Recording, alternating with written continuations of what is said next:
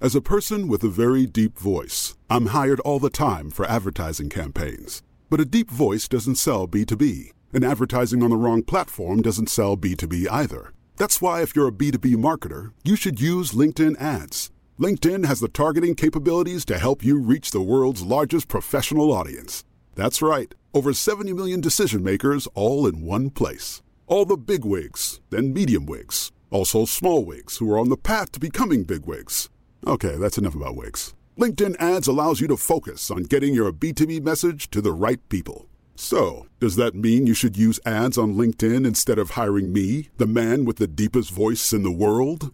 Yes. Yes, it does. Get started today and see why LinkedIn is the place to be to be. We'll even give you a $100 credit on your next campaign. Go to linkedin.com slash results to claim your credit. That's linkedin.com slash results.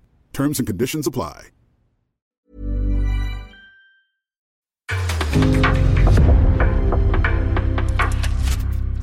En podcast från Aftonbladet. Avsnittet presenteras av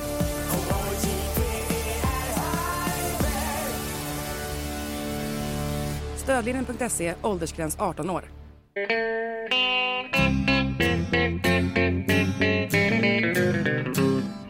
Hello out there, we're on the air. It's hockey night tonight. Tension grows, the whistle blows, and the puck goes down the ice. The goalie jumps and the players bump, and the fans all go insane. Someone roars, Bobby scores at the good old hockey game. Oh, the good old hockey game is the best game you can name. And the best game you can name is the good old Hallå, hallå, hallå, hallå, hallå, hallå, hallå, hallå, hallå, hallå. Yes, hallå, hallå i sommarstiltjen. Eh, här är vi igen i podcasten med vårt eh, traditionsenliga sommaravsnitt. Ja, Eh, som, eh, ja, vi brukar ju den här tiden på året när vi båda befinner oss i Sverige slå till med en liten, eh, ja, eh, en extra podd. ja, Eh, precis. Nu är det inte riktigt som det brukar, för det, då brukar det vara att vi är i Stockholm samtidigt och kan sitta öga mot öga i studion på redaktionen. Ja, Men nu är det bara du som sitter där, medan jag då är i Borlänge, hemma hos mamma på Hagalund. Ja, det är trevligt. Jag ser fram emot eh, kanske kaffeservering för en gångs skull. Att du inte måste trampa bort själv till bryggan. Nej, precis. Äntligen eh, någon som hämtar kaffe åt mig, som, som de brukade göra på pressläktaren förr i tiden. Just det, det har jag varit med om till exempel. Så, det, det, så ska det vara. Ja. Men det är helt enkelt så att vi har haft svårt att, att, att få ihop det. Jag ska till Stockholm nästa vecka, då är du bortrest. eh, Och sen åker jag tillbaka hit när du kommer hem. Så att eh, vi får... Vi får nöja oss på det här sättet. Det ska väl gå det med. Ja, precis. Jag får erkänna dålig timing av mig här att jag inte planerar den här utlandsresan innan eh, jag kollade med när du skulle ner till Stockholm. Jag får, jag får skylla mig själv. Jag tar på mig det. Ja, du behöver inte... eh, Jag tycker det är okej att du inte anpassar hela livet efter mig. Nej, nej, nej, faktiskt inte. Och faktum är att vi har ju hunnit ses en gång, för precis i början av den här Sverigevistelsen så var jag ju nere i Stockholm. Ja, mycket trevligt. Ja, eh, och då hann vi, jag var ju nere på några viktiga ärenden, och eh, då hann vi en lördagkväll gå ut faktiskt i Stockholm. Ja. Vi sågs på Pelikan, det var du och Future Mrs eh, Ekeliv, Emily, plus då eh, bloggspårets eh, stammis Vanessa och hennes dotter Paula. Och vi hade ju en riktigt, riktigt trevlig kväll tyckte jag. Ja, det tycker jag också. Det var väldigt trevligt. Det var kul att se Bjurman in action på Pelikan också. Liksom. ja, nu när det har varit i USA så länge och liksom, ja men det är klart det ska bli en toastskagen och det ska bli, vad var det, lök? Ja, stekfläsk med löksås, ja. Ja, precis. den var Och helt... det var snaps och allt möjligt. Vet du. Ja, den var sensationell. Ja, visst ja. God snaps drack vi också. Ja. Ja, och klockan sen- blev rätt så mycket. ja, och sen hamnade vi... vi hamnade ju faktiskt på någon Götgatskrog där på slutet också. Ja, det blev någon sylta på slutet och några extra öl där, liksom. Men så blir det när man har trevligt. Ja, såklart. Ja, det där var faktiskt en av sommarens höjdpunkter. För i övrigt har det inte varit mycket till sommar. I alla fall inte här i Dalarna. Sen, sen jag kom, i, kom hit i början av juli så, så har det regnat alla dagar utom en. Inte, inte ihållande, men det har varit minst en ordentlig skur per dag. Och grått och trist och halvkallt. Det är faktiskt en av de sämre somrar jag någonsin har upplevt här. Ja, det... Vi säljer inte in Sverige till Bjurebupp här på hemvistelsen precis. Nej. Nej, nej ni, får, ni, har, ni har några, jag ska vara kvar några veckor så att, eh, ni, får, ni får verkligen gasa nu och se till så att eh, det skapas någon längtan hit. För ska det vara så här då kan jag hålla mig borta. Ja, jag, jag förstår det. Vi hade ju väldigt bra i juni. Men eh, då hade å andra sidan Bjure rätt bra också som Ja, konkade runt på Stanley Cup-final. ja precis. Och, och sen till Nashville och så. Eh, Ja, just det. Oj, oj, oj. Ja. Det var det steket. Men, men ja, så här är det. Man får stå ut ändå. Det finns de som har det värre än att sitta i, under grå himlar i Borlänge. Ja, det, det tror jag faktiskt. Och sen, jag ser fram emot också eh, miljöbeskrivningar nästa gång vi hörs i poddformat. För då tror jag att Bjure kan ha varit på US Open och Just det. i, ja vad heter det nu igen, Flushing Meadows. Det är liksom, det tycker jag är det främsta liksom tecknet på att NHL-säsongen närmar sig. Att Bjure har varit där och ska spela in säsongens riktiga första poddavsnitt. Mm. Ja, just det. Ja, US Open är faktiskt en, en enastående uppvärmning inför en NHL-säsongen. Det är otroligt trevligt att vara där ute. Ja. Det, det enda tråkiga är att vi inte har några bra svenskar då. Och nu hade vi väl hoppats att se en då. Ymer spelar några matcher, men han har ju dragit på sig en avstängning. Så det, Nej, det blir inget med det. nej. Vi har några som ska kvala in, men de verkar inte vara hans bror bland annat. Men ja, ja. Jag får, jag får hålla mig till normen. Det, Ja, Rud är bra. precis. Jag har ju gått och blivit halvnorsk så att jag har ju mina sympatier där numera. Så. Ja. Ja, ja, hur har du själv haft det då? Vad har du gjort mer än att träffa mig på Pelikan? Nej men alltså eh, senast vi spelade in där i början av juli, det är ju snart en månad sedan, då satt jag ju i Strömstad. Just det. Eh, och där blev det ju ett gäng veckor så att eh, jag hade det mycket trevligt där och vi hade hyfsat bra väder ändå skulle jag påstå. Sol och bad och, räkor och allt vad det var. Men sen dess har jag kommit hem till vardagen och jobbat i regnet här så att jag kan inte påstå att det hänt så mycket. Absolut min höjdpunkt också, det var kvällen med Per Bjurman. Men fan vad trevligt. Ja. Ja, ja. Men du, vissa gånger när vi har gjort den här sommarpodden så har det varit ganska ont om ämnen. Vi har inte haft så mycket att prata om och har fått babbla på mycket om ja, lite ovidkommande saker. Men nu är det ju faktiskt så att under den här månaden som har gått eh, så har det hänt en del rätt så dramatiska saker.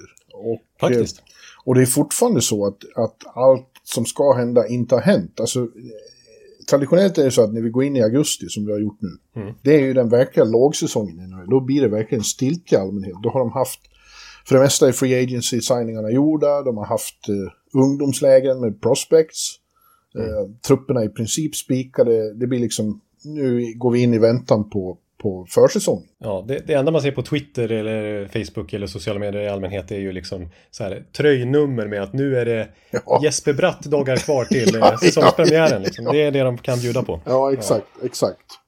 Men, men eh, nu, är, oj, nu kommer det kaffe här så. Nu kommer, Ja, men så trevligt. nu kommer mamma in med en kopp kokkaffe på kontoret. Oj, vad gott. Tack så mycket. Ja, vad trevligt.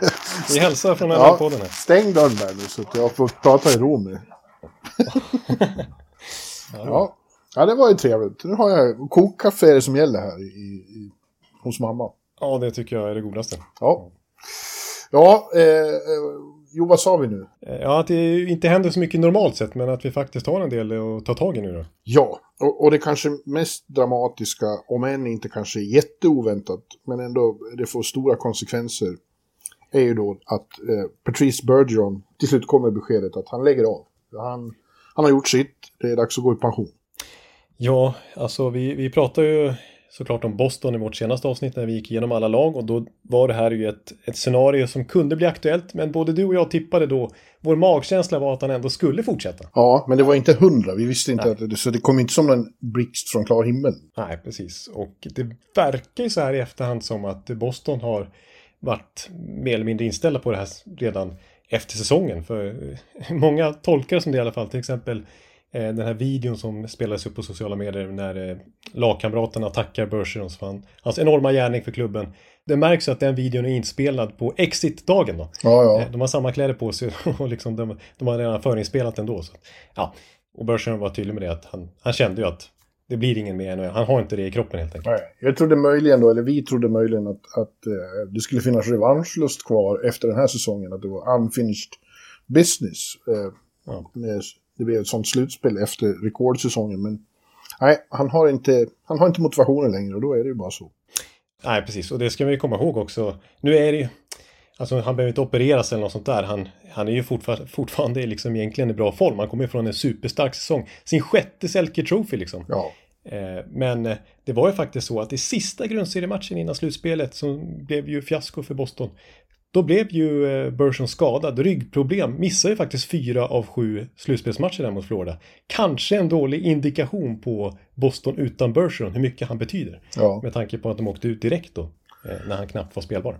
Ja, men vad gäller att lägga av sig, det, ju, det, det finns ju såklart också en poäng i att lägga av medan man fortfarande är väldigt bra, som, som Lidas till exempel. Det är ju, det är ju att föredra framför att de bär ut den.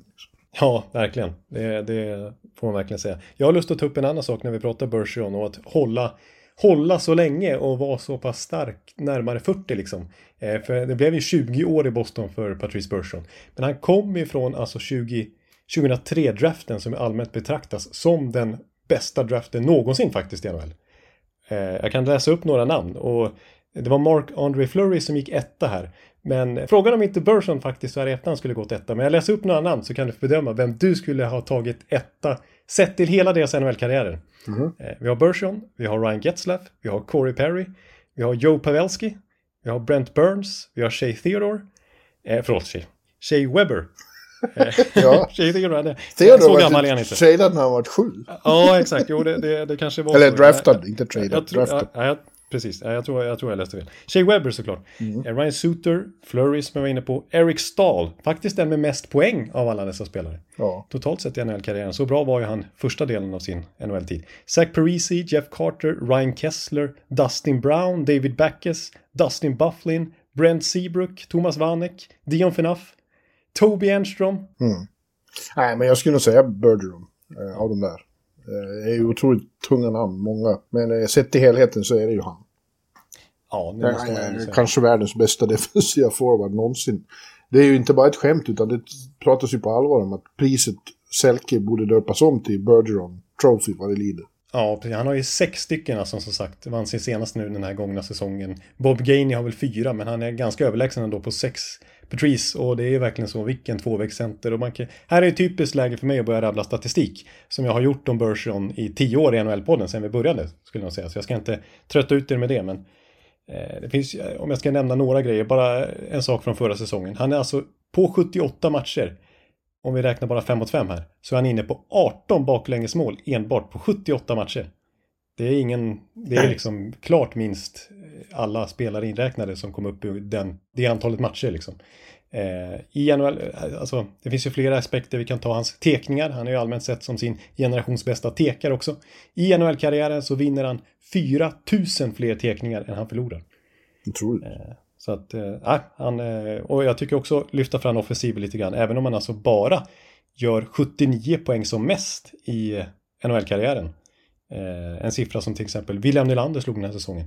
Så var, så var jag ändå väldigt bra, han var ju mer än den mördande första kedjan. Ja. Som vi tyvärr inte får benämna så ofta längre då. Eh, och han var ju otroligt vital vill jag påstå också i ett av, kanske den senaste decenniets bästa powerplay i bumper-positionen som han verkligen gjorde till sin, som nästan kallas för Bergeron-positionen. Eh, I stå i höga slottet där var han länkspelare, Ja. skjuta direktskott på passningar från Marchand eller Pasternak, eh, styrningar och sådär. Han var otrolig, bemästrade den rollen till fullo. Ja, ja det, det tråkiga nu då för Boston är att även om, om det är som du säger att de var förberedda på det här så är det ju ingenting de kan göra någonting åt. Allra minst i det här stena skedet. Eh, det är ju med all sannolikhet så att även David Krejci slutar. Ja, vi, vi räknar med det faktiskt just nu. Ja, och då har de vare sig en första center eller en andra center. Och, och eh, eh, det finns ju ingen, alltså någon som Bergeron finns det överhuvudtaget inte att få tag i. Så är det ju bara. Det, han Nej. går inte att ersätta. Men det finns inte heller någon, någon överhuvudtaget given första center ledig där ute. Inte som skulle kosta enormt mycket för dem uh, att trada till sig. Och, och de har inte mycket att trada. De har till exempel inget första val i, i nästa draft. Nej, det, de offrade ju sitt första runda val i den här draften och i nästa års draft vid deadline då för Orlov och Bertuzzi. Och nu är Ja. båda de borta. Ja. Och de har inget löneutrymme att tala om. Nej. Nej, och, och eh, alltså det, det kommer att falla på då, som det ser ut nu, Pavel Saka och Charlie Coyle. Och, och täcka upp här som första andra center. Och ja, jag vet, ja, vi var ju, vi överdrev ju Bostons svårigheter förra sommaren. När vi, när vi talade om att de hade så mycket tunga skador och att det skulle bli en tung start för dem. Det blev det inte alls. Eh, och de kommer ju fortfarande att vara bra. Så det, är- det är ju Pasternak och, och Marchand och, och, och, otroligt bra backuppställning har de fortfarande. Men det är klart att det, det borde bli en rätt så kraftig försvagning.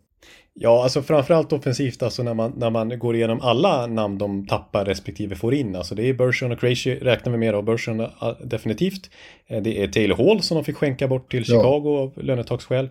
Det är Tyler Bertuzzi som de inte lyckades förlänga med. Orlov gick ju till Carolina. Mm. Connor Clifton har försvunnit och Nick Foligno, Chicago, Garnet Hathaway, Washington. Ja, eh, och in kommer då alltså Milan Lucic 2023. Ja. Ja, det känns ju... Reemstark 2023. Lucic känns som en väldigt så här, sentimental signing. Ja, ja. ja det, det, känns mer lite så här populistiskt nästan ja, än att ja. det faktiskt ska bidra på isen.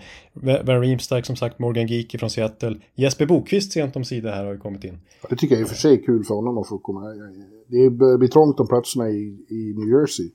Ja. Men kanske lättare att ta en plats i fjärde kedjan i Boston nu.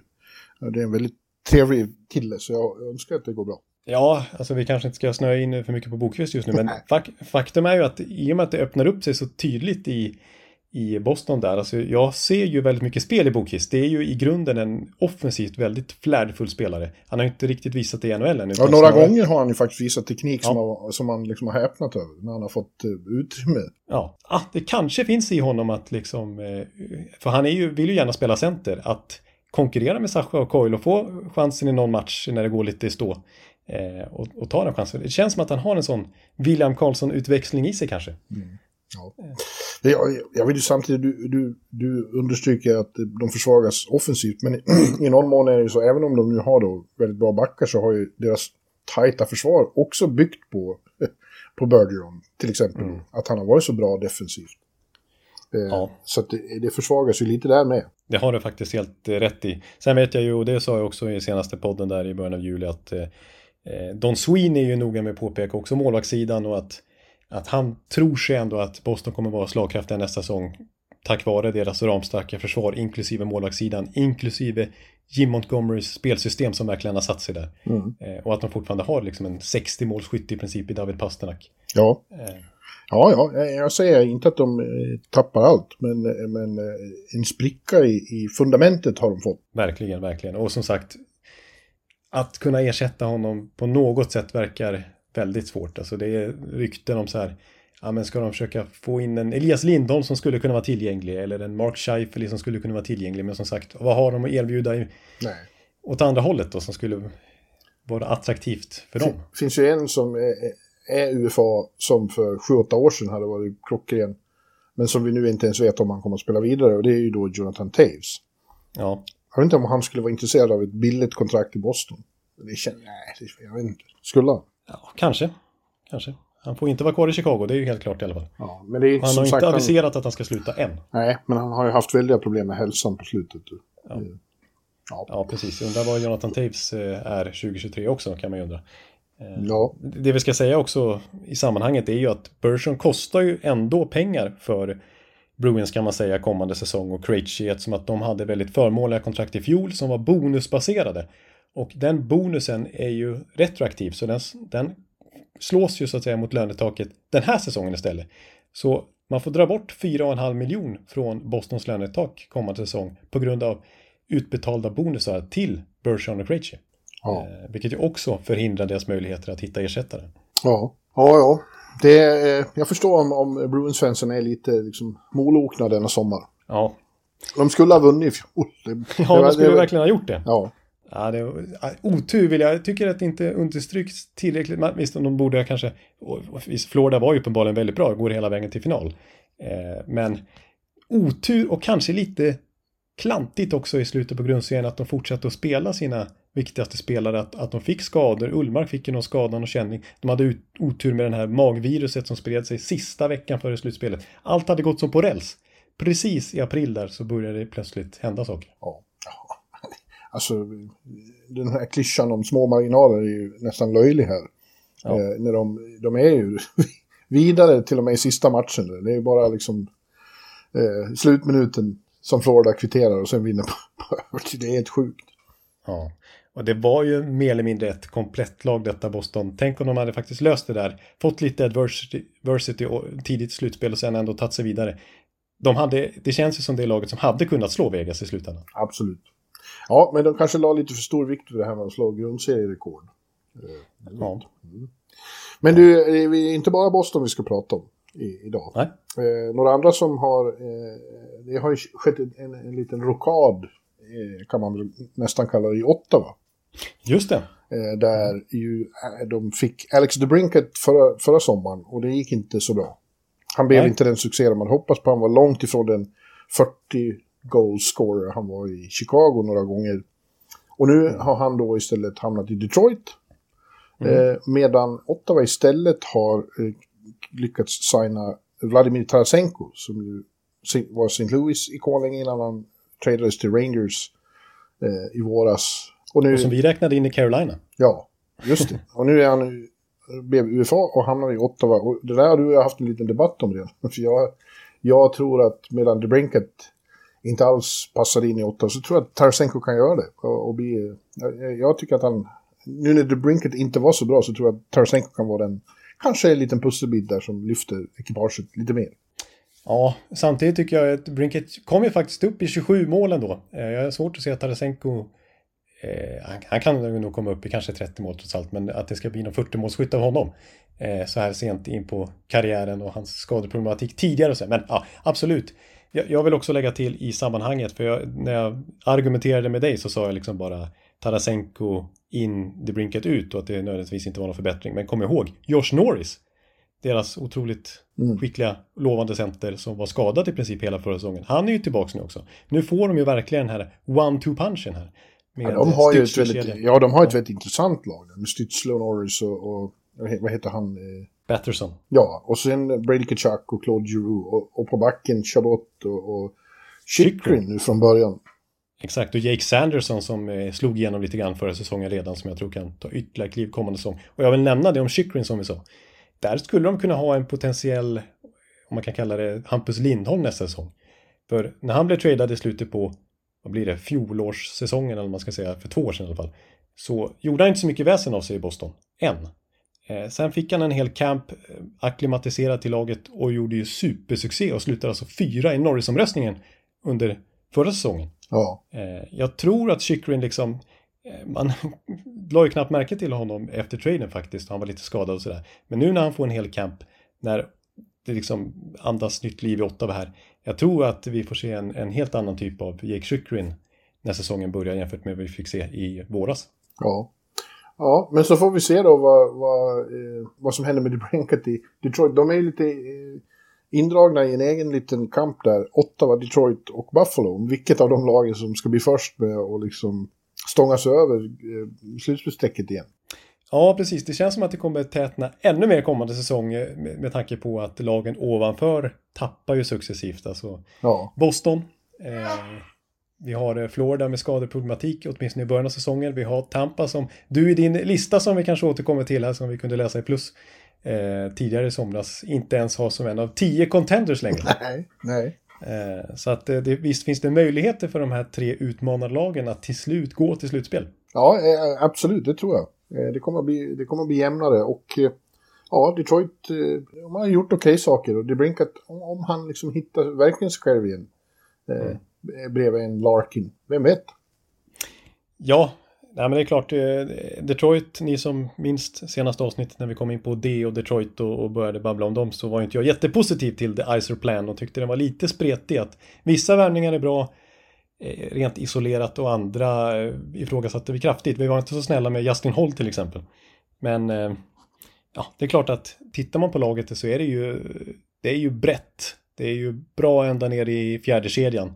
Och nu får de egentligen lite spets också i form av Alex DeBrinket. För han har ju trots allt gjort 40 mål två gånger i NHL-karriären. Ja, Och han ville till Detroit. Han är från Michigan, han är uppväxt med att kolla på Swedish Wings. mm. Och han är ju liksom polare med sin kommande radnapartner redan sedan tidigare. Också Michigan Boy. Eh, Dylan Larkin, de har ju spelat golf här tidigare under, under sommaren innan han ens blev tradad dit. Så att det känns som att eh, det kommer vara en mer inspirerad eh, The Brinkat i Detroit än han var i Ottawa. ja. Och så har de Lucas Raymond som nu har sin sophomore slump bakom sig. Och kan Ja. bli sig själv igen. Ja, precis. Det är förmodligen eh, första kedjan där. Mm. Eh, Raymond Larkin, The Brinket. Ja, den är vass. Den är väldigt vass. Och i PP så kan de, även om Moritz Seider är en jättebra back och totalt sett en bättre back än han jag ska nämna nu, men som jag tror kommer bättra deras PP också. Det är Shane Gostisbehere på blå. att ha honom med i första powerplay där. Det tror jag är bra också. Ja, eh, vad har vi mer? Vi har några som, som har förlängt. Sebastian Aho i Carolina fick ett eh, rejält, eh, ja, vad var det, 9,5? 9,75 eh, blev det till slut för Sebastian Aho och eh, det är såklart jättemycket pengar och eh, när det här åttaårskontraktet löper ut 2032 ja, då, då har han tjänat över 1,2 miljoner kronor. Miljarder kronor. Ja. Miljarder kronor i NHL-karriären. Ja. så att, det är och ändå, ändå är det, ingen, det är inget, det är liksom inget överdådigt NHL-kontrakt. När man Nej. är så bra som han är. Nej, jag, jag är förvånad att han gick med på under 10 miljoner dollar. Att han inte spräcker den, eh, spränger den gränsen. Ja. Eh, för att jag tror att det kommer bli, om det inte redan är det, så kommer det verkligen bli standard att första centra i NHL, det är minst 10 miljoner dollar i framtiden. Speciellt med tanke på att det här kontraktet börjar gälla först nästa år. Han har ju redan ett gällande kontrakt över kommande säsong. Eh, då kommer ju lönetaket med all sannolikhet att höjas. Och sen kommer det eh, höjas kraftigt här senare under det här decenniet med tanke på att nu betalar sig skulden av som spelarna har till ägarna från pandemin. Eh, ja. Så att verkligen här... Eh, ja, exakt. Och, jag menar, då kommer ju 9,75 miljoner dollar 2027 till exempel för en första center.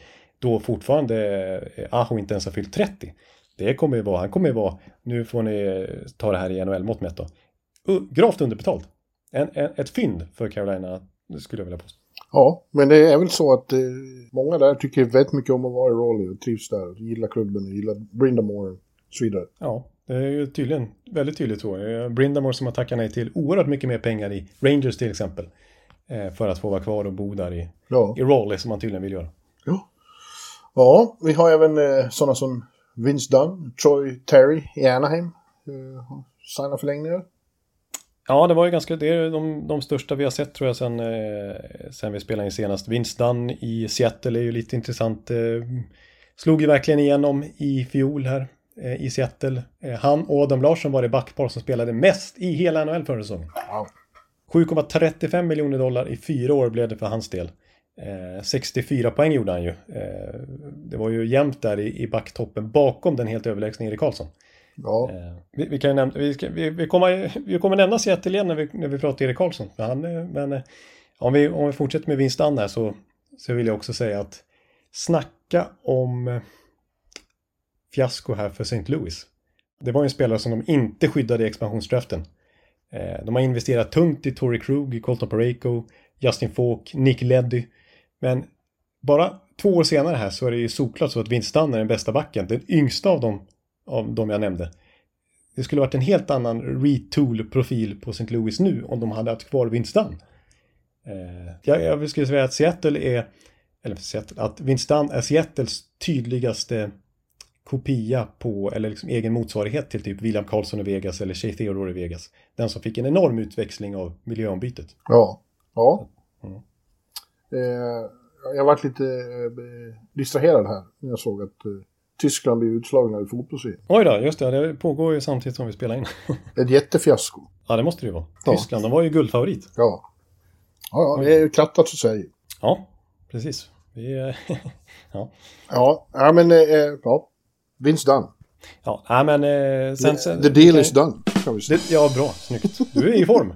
Jag tror nej, att, att nej att jag, det vill jag inte påstå att jag. Jag känner mig lite ringrostig faktiskt. Det, även när jag skriver, det har jag gjort några gånger nu. Det tar emot.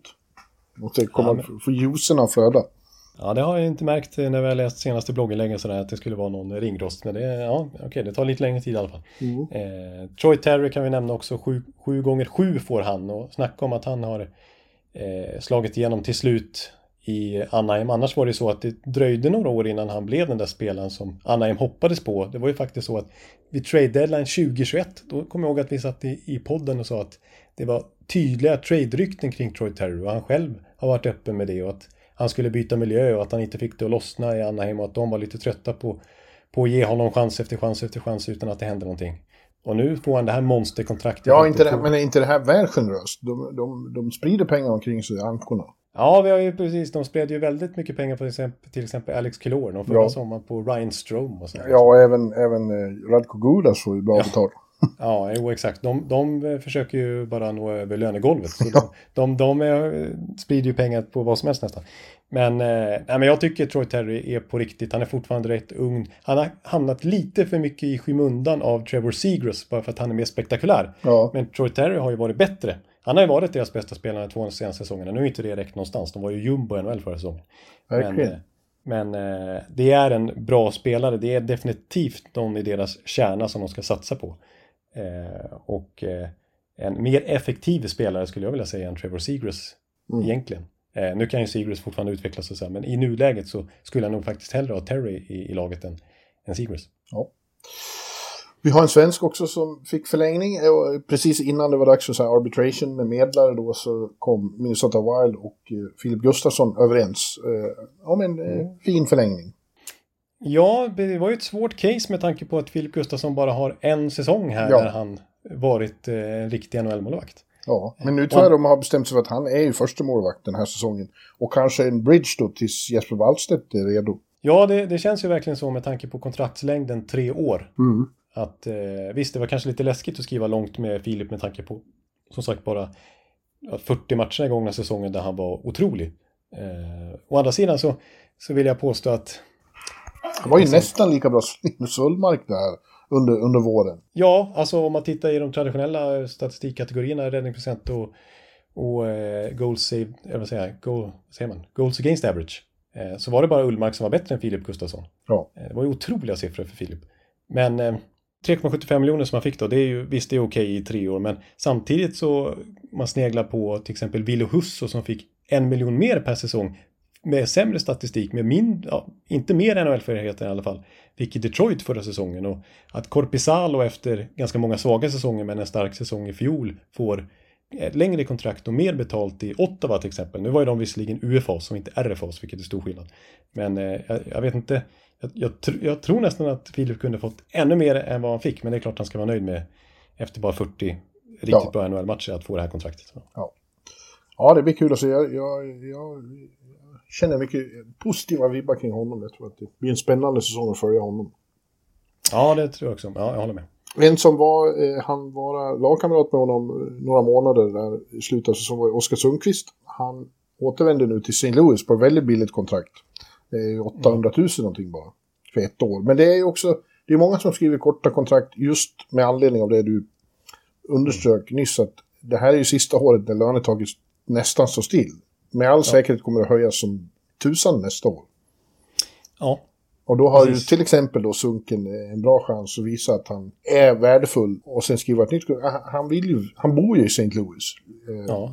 eh, fortfarande och eh, trivs där och, och tycker väldigt mycket om klubben. Så att, eh, jag tycker det känns som en fin homecoming för, för Sunken. Ja, jag håller med. Och när man sett på bilder på sociala medier så när de liksom visar upp sig i nya matchställ och sånt där, så, eller i nygamla som i det här fallet, så eh, ja, ser de väl glada ut i allmänhet och nöjda liksom. Men jag tyckte Oskar Sundqvist såg otroligt glad ut. Ja, ja, ja. Får komma hem, som det blir i hans fall, till St. Louis. Ja. Eh, så jag tycker att det kanske är lite så här, eh, jag kommer liksom bara, fick ett minne helt plötsligt, nu blev jag plötsligt lite nostalgisk trots att det är mindre än ett år sedan. Men typiskt här oktober-slutsats av oss när vi satt och febrade över The Redwood Line eller The Tree Towers Line eller The Detroit Skyline som det kallades också. Med Elmer Söderblom, Oskar Sundqvist och Michael Rasmussen. ja. Två meters monster allihop i princip som Yes. gjorde succé där på försäsongen och första matcherna. Och sen slutade det med att Elmer skickas ner till AHL, Oskar Sundqvist blev tradad till Minnesota liksom. Eh, det, det går snabbt i hockey. Det gör ju det. Eh, men en annan svensk som vi fortfarande inte vet var han kommer hamna eh, är ju då Erik Karlsson. Och det här är ju den stora cliffhangern den här sommaren. Eh, Ja. Och som gör att den här augustistilten inte riktigt vill lägra sig därför att eh, det är en ongoing, ett ongoing race. Eh, vi, vi vet att allt tyder på att han ska bli tradad från St. Louis. St. Louis vill trada San honom. Jose. Ja. San Jose, förlåt. Ja. Sa jag St. Louis? Jag, Ja, hör, eh, jag ja. hör, seg. Ja, San Jose vill väldigt gärna trada honom. Han vill väldigt gärna bli tradad därifrån och klubbar där ute skulle göra nästan vad som helst för att få honom. Men eh, det är väldigt få då som kan, det är ingen i princip kan ta över hela kontraktet plötsligt bara. Utan San Jose måste behålla lönen, kanske ett tredje lag behöver bli inblandat. Men det, det är ju en on, alltså, det är ju ständig diskussion. Jag skrev ju faktiskt just till dig, plus redaktören, en lång grej om det. Ja. Eh, eh, vilka, vilka som är de hetaste kandidaterna, enligt rapporter då. Mm. Just nu så är ju eh, det hetaste alternativet sedan en tid tillbaka är ju Pittsburgh. Ja, precis. Alltså det känns ändå som att det är ungefär samma lag som senast vi pratade i början av juli. Liksom, att det, är, det är ju, redan då så var det ju Pittsburgh och Carolina som framförallt hade pekats ut. Eh, men efter det så har det ju blivit helt klart med Tony DeAngelo till Carolina. Och jag har ju svårt att se liksom att de ska ha en högersida med Brent Burns, Erik Karlsson och Tony DeAngelo. Tre stycken högerfattade, off, renodlat offensiva backar som vill vara quarterback i powerplay. Ja, nej det, är, nej, det blir för många kockar och ska, ska de göra det så måste de nästan göra sig av med någon av dem. Eh, kanske Ja. Burns, liksom, för att vi har ju sagt det många gånger när, när de spelade, de var ingen succé ihop. Eh, de tog för mycket av varann, Erik och Burns. Ja, och vi såg när de väl eh, splittrades då och hamnade i olika lag igen. Då vann Erik Karlsson Norris Trophy. Ja. Och Brent Burns var, eh, gjorde ju 60 poäng och, och fick Norris-röster igen. Även han. Det som jag tycker talar för Pittsburgh, som jag skrev i den här artikeln då, är att tydligen har ju Chris Letang gjort klart att om de lyckas kapa åt sig Erik så är han villig att ta en mycket mindre roll. Eh, och låta eh, Erik vara 1A, spela otroligt mycket och styra powerplay. Precis, han har sagt att han släpper eh, quarterback-positionen i PP då till eh, Karlsson. Och grejen är ju, vi har varit inne på det förr och jag tycker det har blivit tydligt att för att få ut max av sin enorma kapacitet så ska Erik vara 1A och spela otroligt mycket. Han ska spela en halvtimme per match. Och, Ja. och styra, vara inne på powerplay hela tiden. Ja, han vill ju spela två minuter i powerplay Ja. liksom. Inte, inte 45 sekunder och sen tekning och så byte. Så att han, han skulle kunna få i princip samma roll i Pittsburgh som i San Jose, men med skillnaden då att nu spelar han plötsligt för ett riktigt bra lag.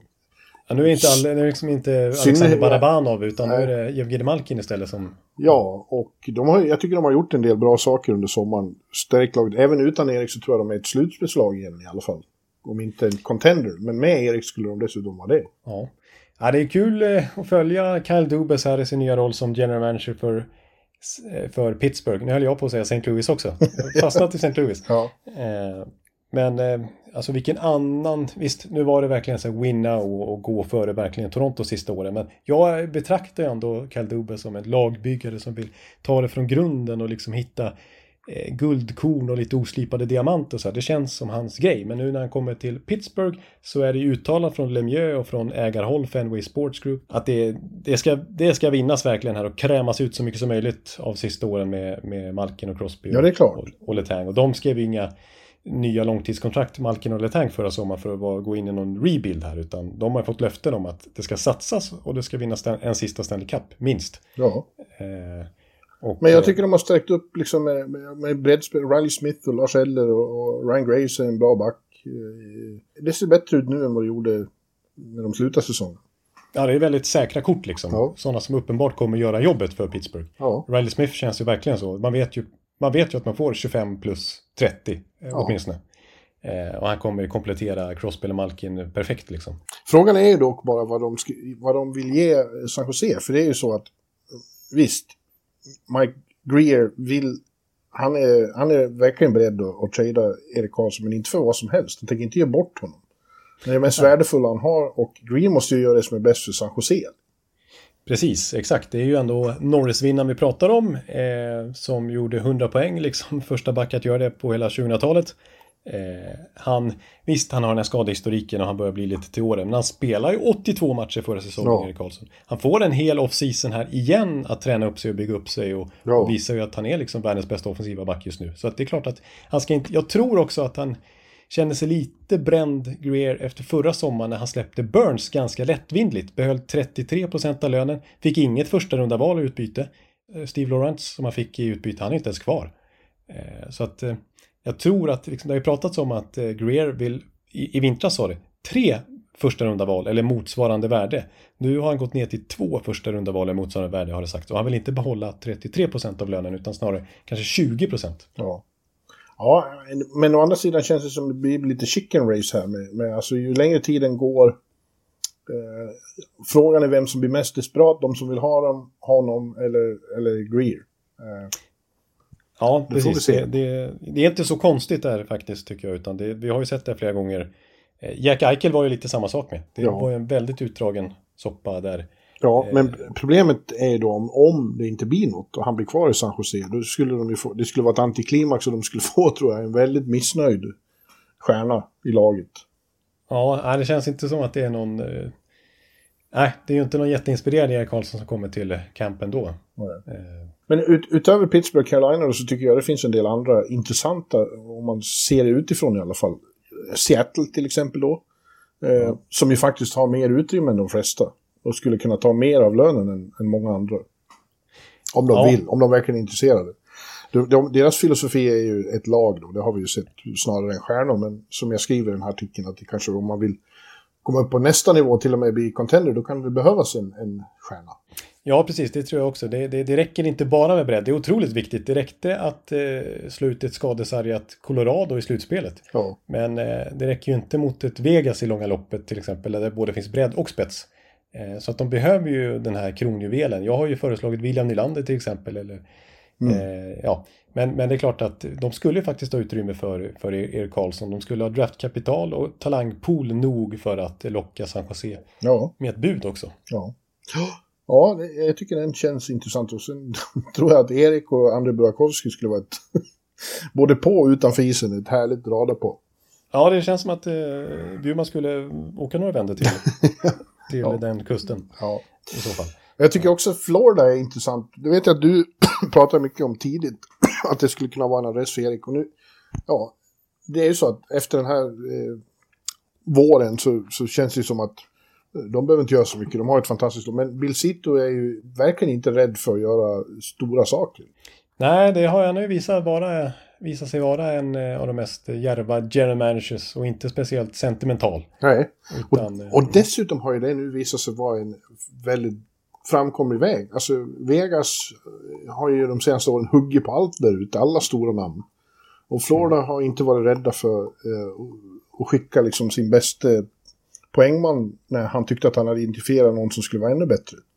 ja, och så faktiskt lyfte laget. Ja, ju. ja. Mm. Så det kanske, hoppas det sprider sig att, att general managers blir lite modigare och inser att vi behöver, vi kan inte bara sitta här med status quo. Ja, Och jag tror det har ju faktiskt Kyle Dubas sagt på presskonferens, det var när han fortfarande var i Toronto, där han blev utslagen av just Florida, att han var inspirerad av Bill Cito. Ja, Att eh, han pratar just om den här djärva traden för Matthew Kachuk och att offra Jonathan Huber då. Att det kanske kan bli en ny trend och att han eh, sneglar på det i alla fall.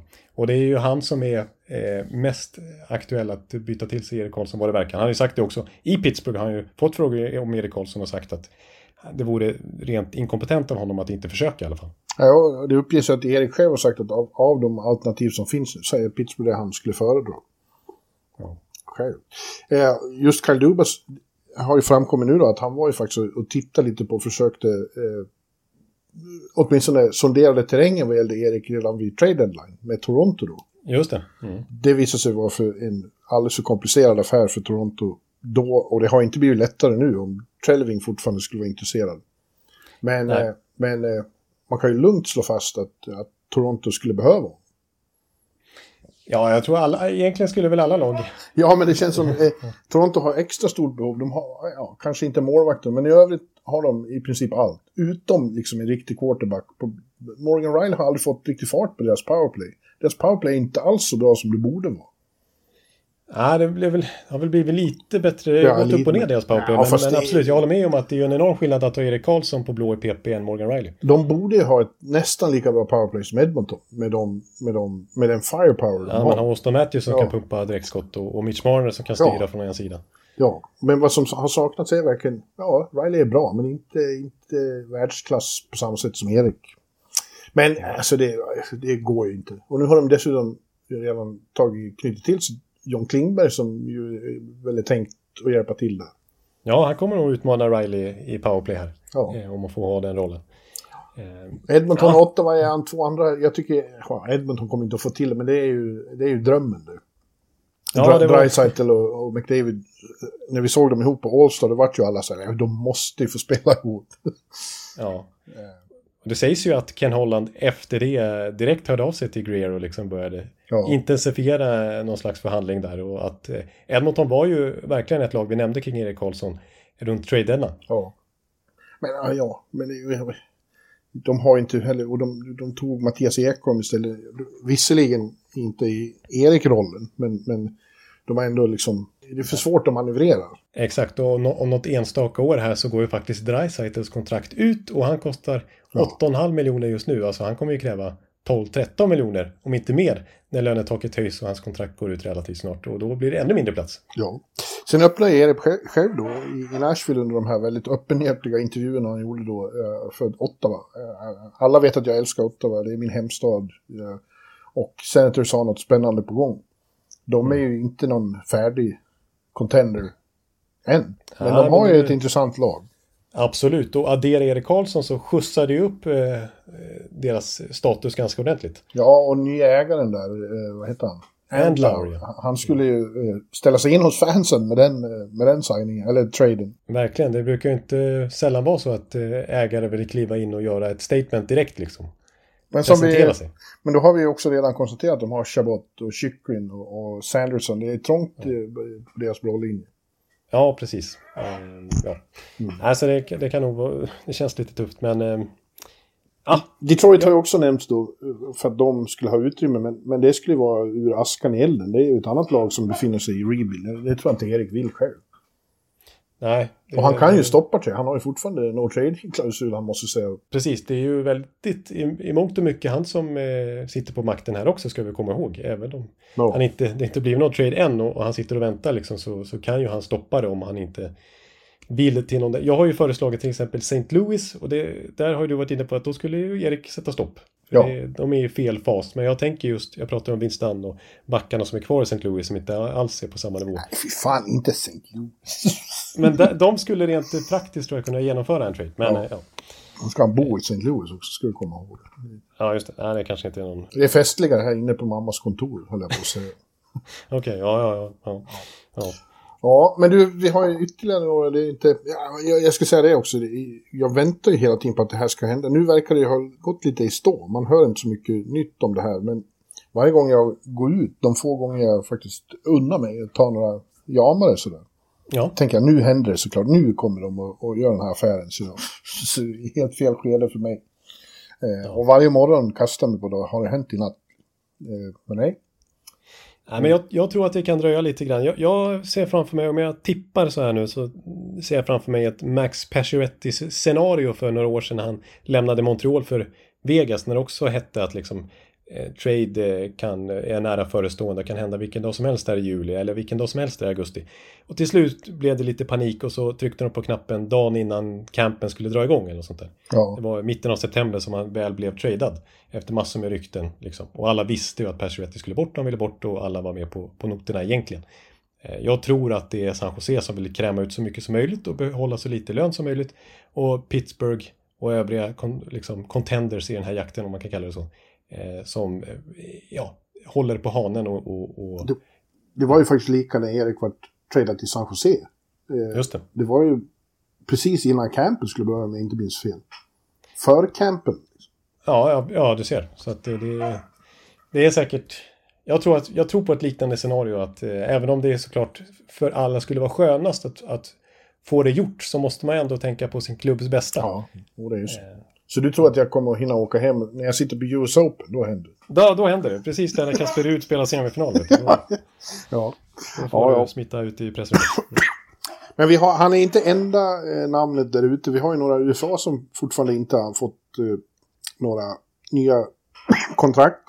Eh, vår vän Alex Edler är en av dem och vi vet väl inte om han kommer fortsätta eller inte. Nej, det, det har ju inte sagts motsatsen heller. Eh, Det, det är rätt många spelare sådär som man inte vet, eh, som inte har lämnat något tydligt besked. Eh, Alltså inte bara, alltså, Nej, Zach Parisi och... Zach Parisi, Mark, eller Eric Stahl, Ja. eh, Derek Stepan, sådana här spelare.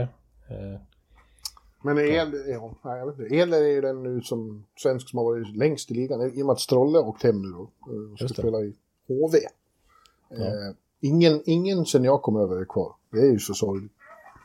Ja, det, då har du varit med ett tag. Ja, jag bet av en generation. Det får man säga precis. Nu är det dags för nästa. Ja. ja, vi får se. Men det finns ju några som är mer, eh, som man väl ändå vet kommer fortsätta. Och Matt Dumba är ju ett tungt namn ändå. Ja, precis. Eh, han är ju fortfarande på marknaden. Jag kommer ihåg att när vi spelade in senast så var det ganska starka rykten kring Arizona där faktiskt. Ja. Som ju har bytt lite strategi, inte på något statementmässigt sätt, men på eh, betydligt högre grad än tidigare. Att inte bara ta emot, liksom, vara en kyrkogård för dåliga kontrakt, utan att de faktiskt har satsat och försökt göra laget starkare och det har blivit starkare också. Eh, och att Damba skulle vara nästa pusselbitar men eh, det har inte blivit någonting än. Nej, nej, vi får se. Och Thomas Tatar är väl också en som borde kunna få ett kontrakt. Eh, Ja, verkligen. Sen har vi Patrick Kane då, men han är ju ett specialfall eftersom han då har genomgått eh, samma slags operation som Beckis förra sommaren och inte kommer att spela på den här sidan nyår med all säkerhet. Och, och har ju gjort klart att han, eller hans agent har gjort klart att de har verkligen ingen brådska med att skriva nytt kontrakt någonstans.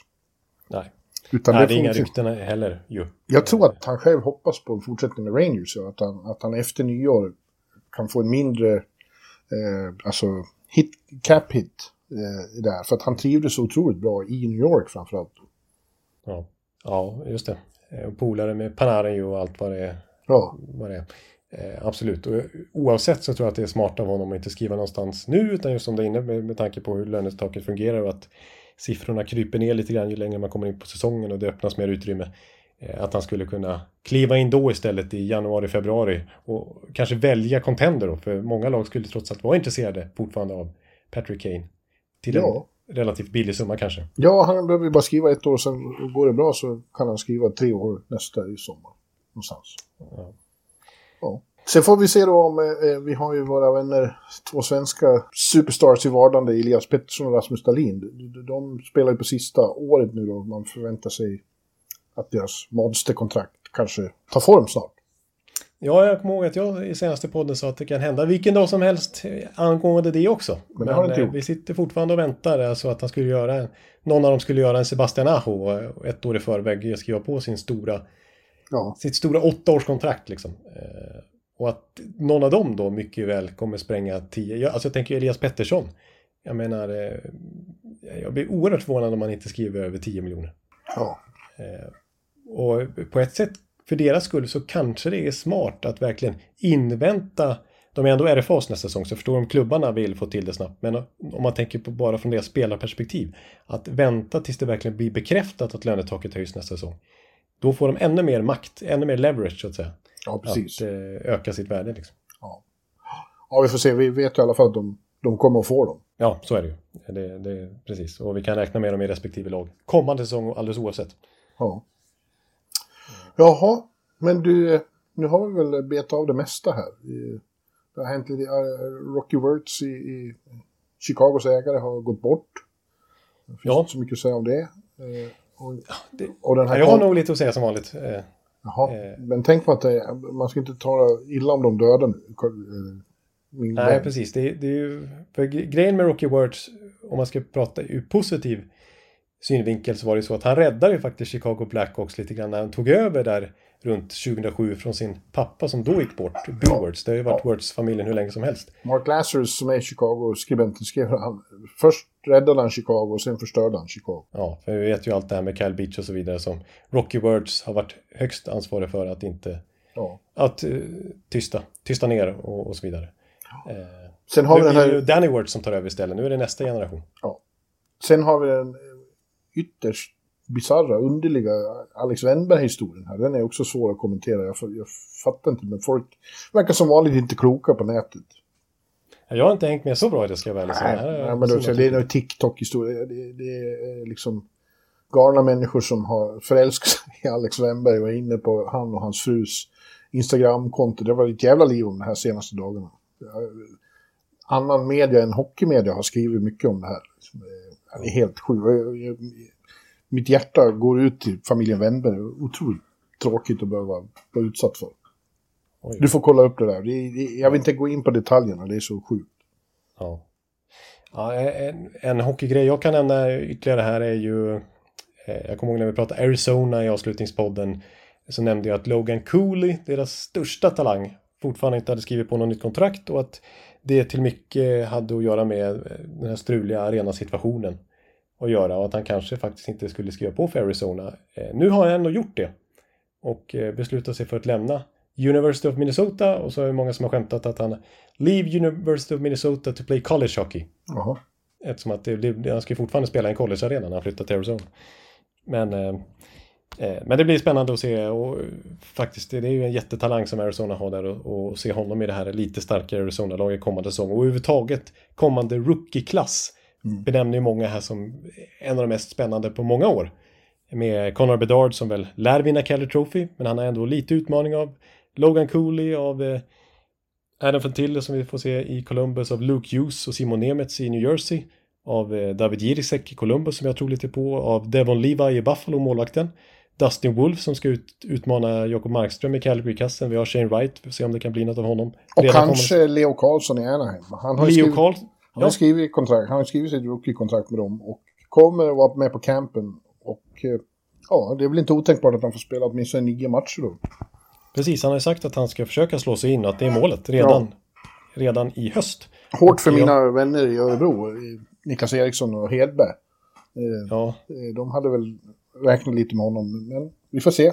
Han missar i alla fall inledningen av SHL, det är helt klart. Exakt, det är precis så. Får han de här nio matcherna och om man då inte fortsätter i Anaheim efter det, då är vi trots allt inne i slutet av oktober, nästan november. Mm. Så det är en stor del av SHL-starten ju.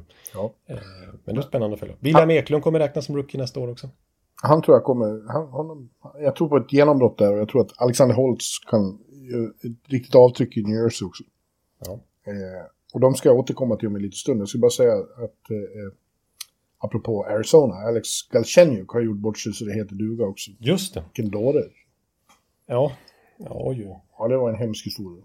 Han var gripen av polis och, och hotade poliserna och, och, och vräkte rasistiska glåpord över dem. Så det var fruktansvärt att läsa. Ja, och fick alltså kontraktet avbrutet. Var det nio dagar efter att det skrevs? Ja.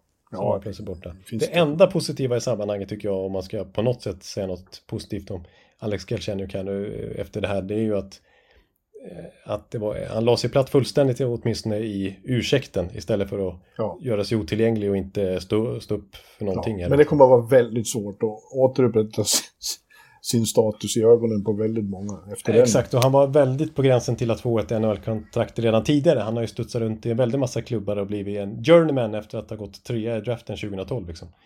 Eh, och nu lär han inte sätta sin fot mer på en NHL-rink. Ja, men du Jonte, nu ska vi avsluta det här med eh, kamikaze-tips. Just det. Jag har ju redan det. gjort det i tidningen. Jag har varit ute, du tvingar mig som plusredaktör som du är. Och fram med, med ja, det slutar med att jag listade då de tio hetaste Stanley Cup-kandidaterna redan nu, vilket är idiotiskt att göra eftersom vi inte vet exakt än hur trupperna kommer att se ut. Men jag hade ju Colorado som etta då. Ja. Eh, för att, eh, ja de hamnade lite under, så fort de gjorde att det inte liksom blev så bra det här året så har de hamnat liksom under radarn lite grann. Men eh, nu när nästan alla då, utom Gabriel, kommer att vara hela och rena. rena var mm. nog. Ja, rena dessutom. hela och skadefria och utvilade när säsongen börjar igen. Så tror jag att alltså, det är, de har ju fruktansvärt bra hockeyspelare. Ja, verkligen. Alltså, jag tror att Colorado skulle kunna göra en Vegas kommande säsong med tanke på att Vegas hade så mycket skador året innan ja. Stanley Cup-titeln här och man, man glömde bort dem lite grann. Ja. Och så gick de och vann ju faktiskt grundserien i tysthet, alltså på västra sidan. Eh, och sen eh, hela Stanley Cup-titeln ganska överlägset. Ja. Och, och, vi ska komma ihåg att Colorado här som alltså åker ut mot Seattle i första rundan. Eh, det var ju så att Cale McCarr hade ganska stora hjärnskakningsproblem under säsongen. Nathan McKinnon var ju väldigt bra på slutet, han var ju full fart på slutet, men han hade också skadeproblem under året. Det var en märklig Nishushkin-soppa där i, i, mitt i slutspelet. Eh, Lekkonen var borta mycket, Bowen Byron var borta ja. väldigt mycket. Nu har de Manchin var borta otroligt McKinnon, mycket. McCarr, Rantanen, Taves, Lekkonen. Eh, och sen tror jag då att eh, man vet aldrig med Ryan Johansson, som det har kommit. Han, han vet man aldrig vad man har. Han, han varvar ju, ena säsongen eh, ser ut som att han har fötts på nytt och så nästa är han liksom inte bra alls. Men man kan tänka sig att det, att det här eh, miljöombytet är bra. Och sen tror jag ju på din pojk, Ross the, the boss. boss. Ja, Ross mm. Colton. Ja. Ja. Han brukar ju leverera i viktiga matcher dessutom, det vet ju jag. Ja. Eh, så att, nej, men jag tror också på Colorado. Jag tror att de kanske får lite mindre cred än vad de förtjänar kommande säsong. Att Ja. de, de, är, de är verkligen minst topp två. Jag, jag väljer faktiskt i min lista att ha Vegas etta. Ja, jag tänkte just säga det, att det kommer ju vara en, en fruktansvärd maktkamp i toppen av väst. Mellan de två framförallt då. Men kanske även Edmonton blandar sig i där, men framförallt. Colorado och Vegas känns som vilken konferensfinal. Ja, nej men för att, visst de har tappat Riley Smith, men annars är det i princip samma lag igen som ställs på isen. Ja, de tappade ju bara Riley Smith därför att de tyckte att det var mer värdefullt att behålla Barbachev.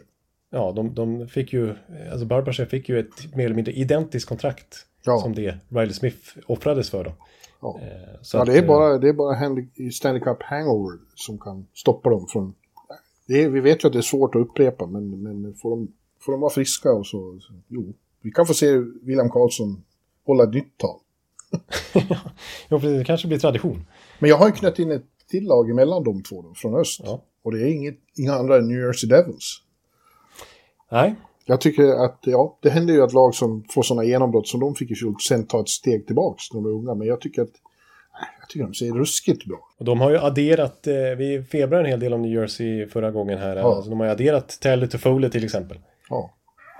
Eh, Visst, jag, vill, jag tycker inte det att det är försumbart att Damon Severson och Ryan Graves försvinner. Och visserligen får de in otroligt spännande talang här i Luke Hughes och Simon Nemeth som kanske Ja, jag tror att de tror på dem. Jag tror att de eh, känns övertygade om att de täcker upp det. Ja, samtidigt så är Severson och Graves liksom väldigt stabila, säkra pjäser medan det är lite mer osäkert kring de här två talangerna. Men det kan ju vara så att de har ju större potential och på sikt skulle man mycket väl hellre välja dem. Så jag förstår movesen. Men på kort sikt här så vet jag inte om det är uppenbar eh, förbättring i alla fall. Men Toffoli framåt.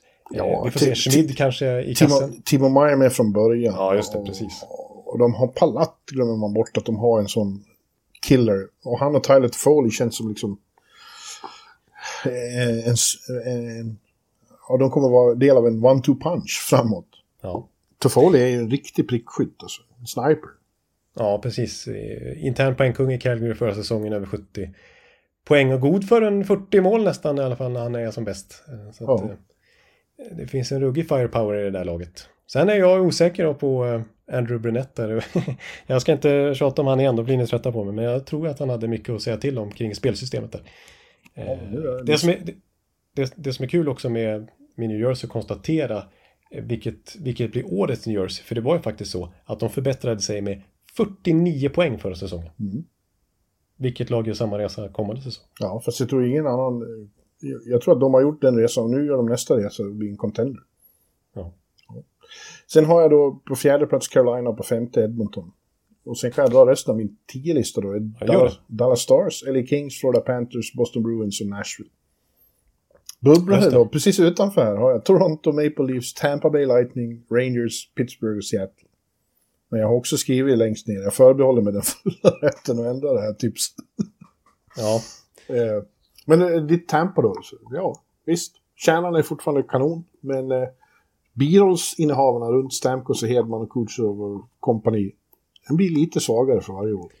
Ja, den är ju faktiskt, eh, den blir ju sämre nu skulle jag ändå påstå och eh, eh, de åkte ut i första rundan förra säsongen. Visserligen tyckte jag att de var bättre än Toronto, men de åkte trots allt ut. Mm. De hade inte den sista edgen för att ta sig vidare i tight, en tight serie den gången. Så att, Men Toronto är ju också då intressant. Det är många som, de, de vill ju gärna se sig som contender då. Men jag vet inte, jag tycker inte det har hänt så mycket bra saker den här sommaren. Det- Det här, alla muskler de har, har eh, tillskansat sig, de gick overboard där tycker jag, med att ta så många.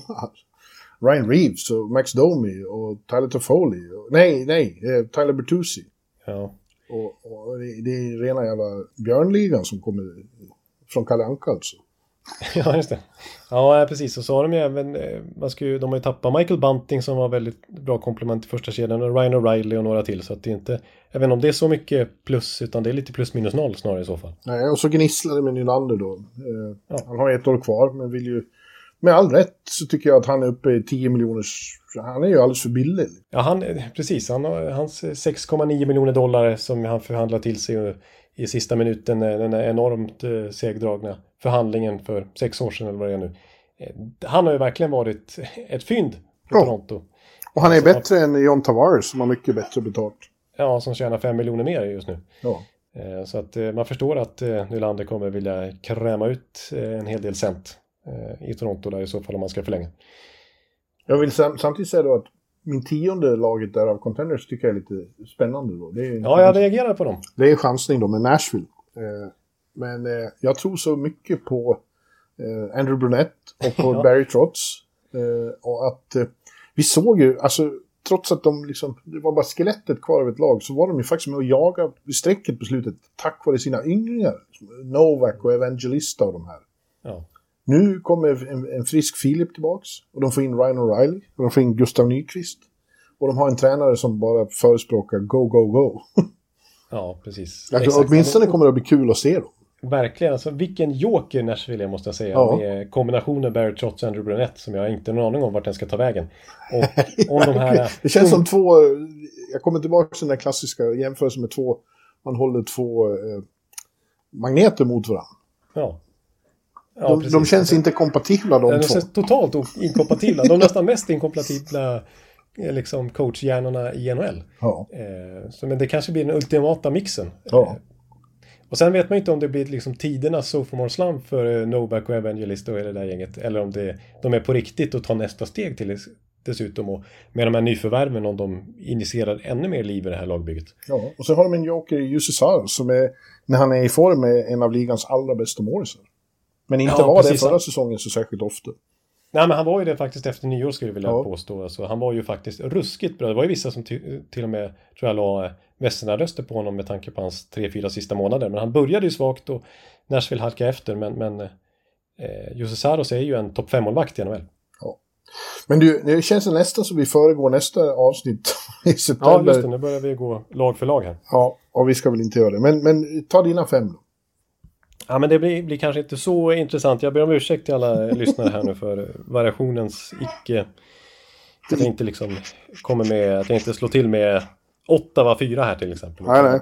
Det, det blir Vegas etta. Tråkigt, men jag tycker de förtjänar att eh, på förhand i alla fall få behålla tronen. Colorado 2 Jag har Carolina 3 eh, Sen har jag då Edmonton 4 med Ekholm i hela grundserien här från start och Connor Brown som ju kanske lite överskattad värvning vill jag påstå men, men sett till värdet och så får de ju väldigt mycket i alla fall och kul att se han återförena med Connor McDavid. Eh, femma har jag då New Jersey då. Ja. Jag vill också varna för Dallas. De känns som ett, eh, en dark horse här. Alltså. De var ju riktigt bra i år. Exakt och nu Duchene i Ja, laget. ja som, som en breddspelare. Ja precis, han är liksom inte någon go-to-guy utan Nej. han är ju en Ja, han är en andra tredje kedjespelare liksom. In med Erik där bredvid Miro Heiskanen. Då är jag. Ja, precis. Oj, oj, oj.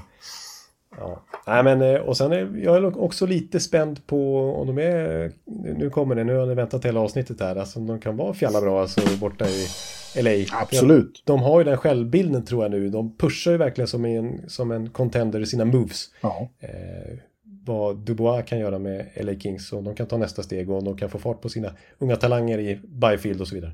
Förmodligen inte tillräckligt bra backar, men, men alltså, alltså främsta offensiva av de har Kopitar, Kempe, Fiala, Dano, Arvidsson och nu Dubois också. Det är Ja. fan inte... Det är riktigt bra. Det är ruskigt bra. Sen är det alltså backsidan absolut, men målvaktssidan där Ja. med Phoenix Copley och, och Cam Talbot. Camp Talbot ska vara svaret på deras böner, det tror jag inte riktigt. Nej, precis. När de går upp mot Vegas eller Colorado i en slutspelserie där. Så. Ja.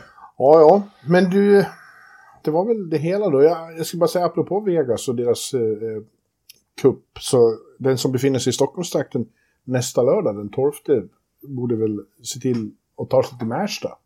Och, Just det. För då kommer eh, Buckland dit. Eh, till, Ja. vad heter den, Pinnbackshallen.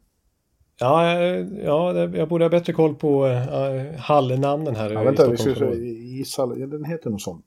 Eh, den heter eh, Pinnbackshallen, ja. Ja, men det. snyggt Bjurman.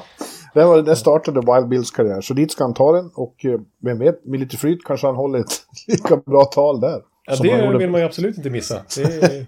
Nej. Och jag kanske tar mig dit, så vi, vem vet, vi kanske ses där. Oj, oj, oj. Ni hör, ni hör. Det finns all anledning att åka till Märsta, helt enkelt. eh, Här i mitten av augusti.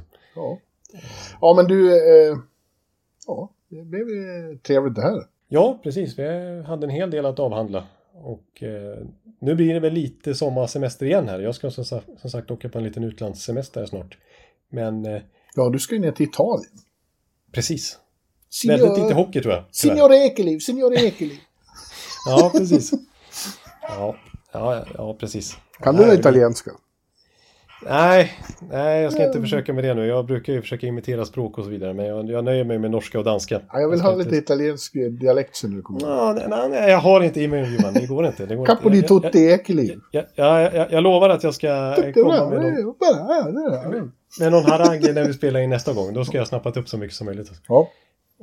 Ja, ja, men du, då får du ha det så väldigt trevligt i, i Italien. Jag eh, håller mig kvar i Dalarna ett tag och sen eh, nästa vecka är jag i Stockholm. Just det. Och eh, om inte annat då så hörs vi i det här formatet i september när US Open spelas eller har spelats. Ja. Och det blivit dags för preview-poddar. Ni Ja. känner igen eh, formatet. Vi ska, vi ska gå igenom division för division då eh, per avsnitt så att säga. Och vi kommer få ha mycket att prata om då och kanske hoppas att vi vet vilket lag Erik Karlsson till exempel spelar i. Yes. Ja, men tack så mycket för det här, ni som orkade lyssna mitt i sommarvärmen. Den lilla värmen ni har. I regnet ska vi säga. Ja, Eh, och eh, ja, får bara önska en fortsatt fin, fin sommar. du tack detsamma allihopa och eh, på återhörande. Hej, hej! Hej! Hallå, hallå, hallå. Hallå, hallå, hallå. Alex Chiazot, Joe Luis Arena och Esposito. Esposito. Uttalsproblem, men vi tjötar ändå.